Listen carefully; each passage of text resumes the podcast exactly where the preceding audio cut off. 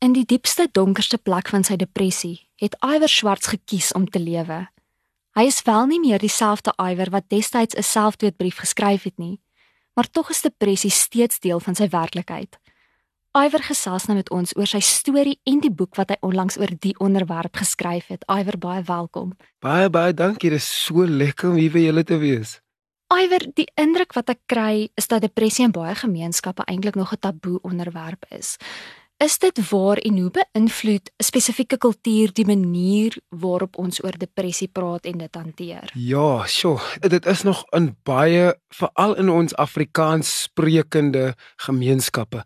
Is dit 'n taboe tema omdat ons word geleer dat as jy depressie het en jy praat daaroor, word jy na inrigting toe gestuur en dan word jy gelabel, jy word geklassifiseer met terme soos jy's 'n malletjie of jy soek aandag of jy's nie lekker in jou kop nie en dit maak dat die een leen wat depressie mos vir ons leer is om jouself te laat isoleer van ander mense af.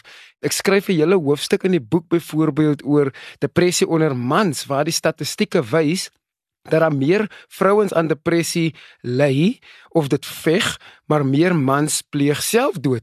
So dit's mans wat dikwels nie bereid is om daaroor te praat nie, juis omdat daar so groot stigma rondom depressie is. Nou jou behoefte om mense met depressie by te staan kom eintlik al van jou pneumatics daar af. Ja. Dalk miskien selfs 'n bietjie voor dit, maar ek weet nou jy het spesifiek jou storie wat jy in die boek deel.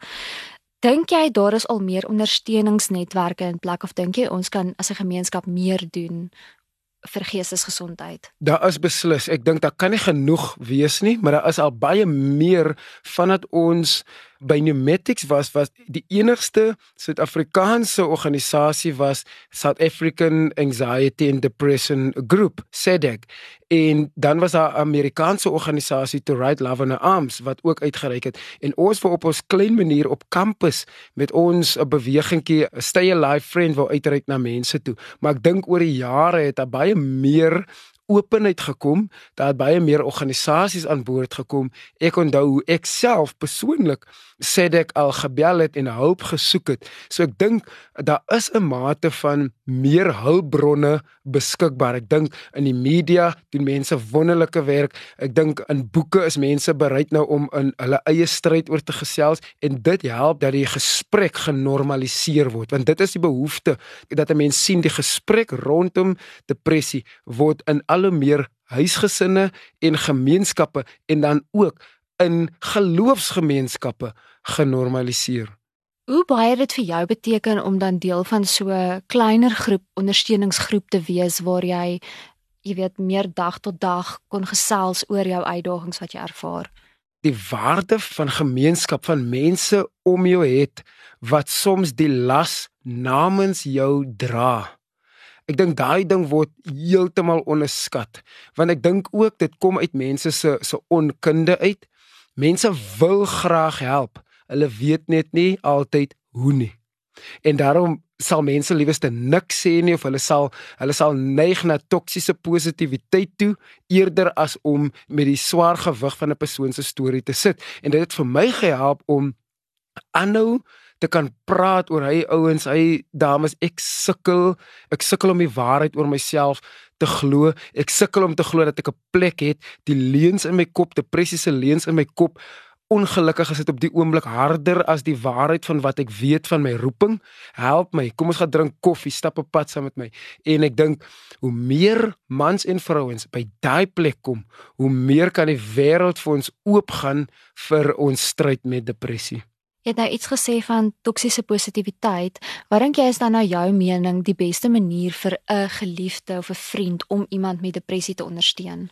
In die boek het ek juis het ek juis 'n hoofstuk wat ek geskryf het rondom hoe om iemand te ondersteun want mense weet nie dikwels hoe nie dan neig hulle na moenie worry nie alles gaan oukei okay wees. Um kyk net aan die bright side en die een wat die meeste dikwels seermaak is die een maar jy het so baie om voor dankbaar te wees. En dis iets wat nogal seer maak as jy ek weet hoe baie ek het. Ek is baie dankbaar vir my lewe, vir my vrou, vir my vriende, maar daar's goed as 'n bewerasie in my kop wat vir my vertel jy hoort nie hier nie. So die beste manier om 'n geliefde of 'n persoon te ondersteun is om soms net daar te wees. Hulle gaan dikwels nie jou advies onthou nie sê ek in die boek, maar hulle gaan jou daar wees, beslis. Jou teenwoordigheid gaan hulle onthou. So die eerste ding is om net daar te wees en te sê ek weet nie wat is die beste manier om jou te ondersteun nie, maar ek is hierso vir jou. Dikwels was dit vir my vrou wat vir my 'n pakkie van my gunsteling lekkers gegee het of wat vir my net die gordyne oopgemaak het want ek het nie die krag om dit self oop te maak. Ek wil in hy duisternis sit wat net die gordyne oopgemaak het wat my net herinner, my lief, ek is hier so vir jou. Ek weet nie hoe om jou te help nie, maar ek gaan nêrens nie. Daai bevestiging dat ons naaste verhoudings, hulle gaan nêrens nie. Dit het altyd vir my gedra. Hoeveel geduld moet 'n mens met iemand hê? ja, ja. Ek sien jy lag nou, maar jy weet dit kan 'n uitdaging wees Dit vir persone is. wat nie wat dalk nie verstaan nie en wat Ja. nie ook, jy weet, al ervaar het hoe dit is om depressief te Ja. wees nie. Die geduld kom daarin dat jy jouself moet toerus met die nodige wysheid en insig rondom depressie.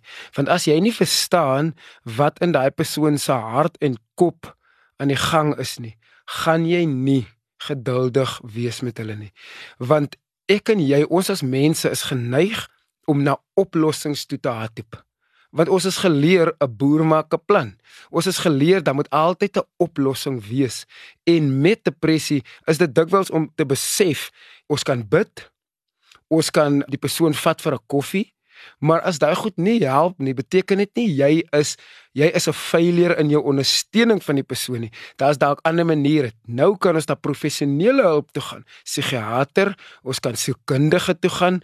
Ons kan ander maniere vind. Ons kan medikasie toe gaan, maar dit is 'n holistiese benadering. Ons moenie dink net my een oggend se koffie gaan nou op 'n bonatuurlike manier die persoon ewe skielik uit hulle depressie uithaal nie. Ek het een manier wat jou help. En dan kom 'n dokter, dan kom jou ouers, dan kom jou eggenoot. Daar's verskillende maniere wat bydra tot die genesing. Iwer, wat sê die Bybel van depressie? Ek weet jy in die boek deel jy ook jou pad en hoe jy jy weet 'n bietjie skepties was was aanvanklik vir die berading. Ja. en ons gesels bietjie daaroor. Ja, jy sê die die Bybel praat nie uitdruklik oor die woord depressie nie. Maar as jy kyk na Elia se geval, nadat hy die Baal profete uh, uh verslaan het en oorwin het en Jezebel gesê het hy gaan jou doodmaak, hy het gevlug.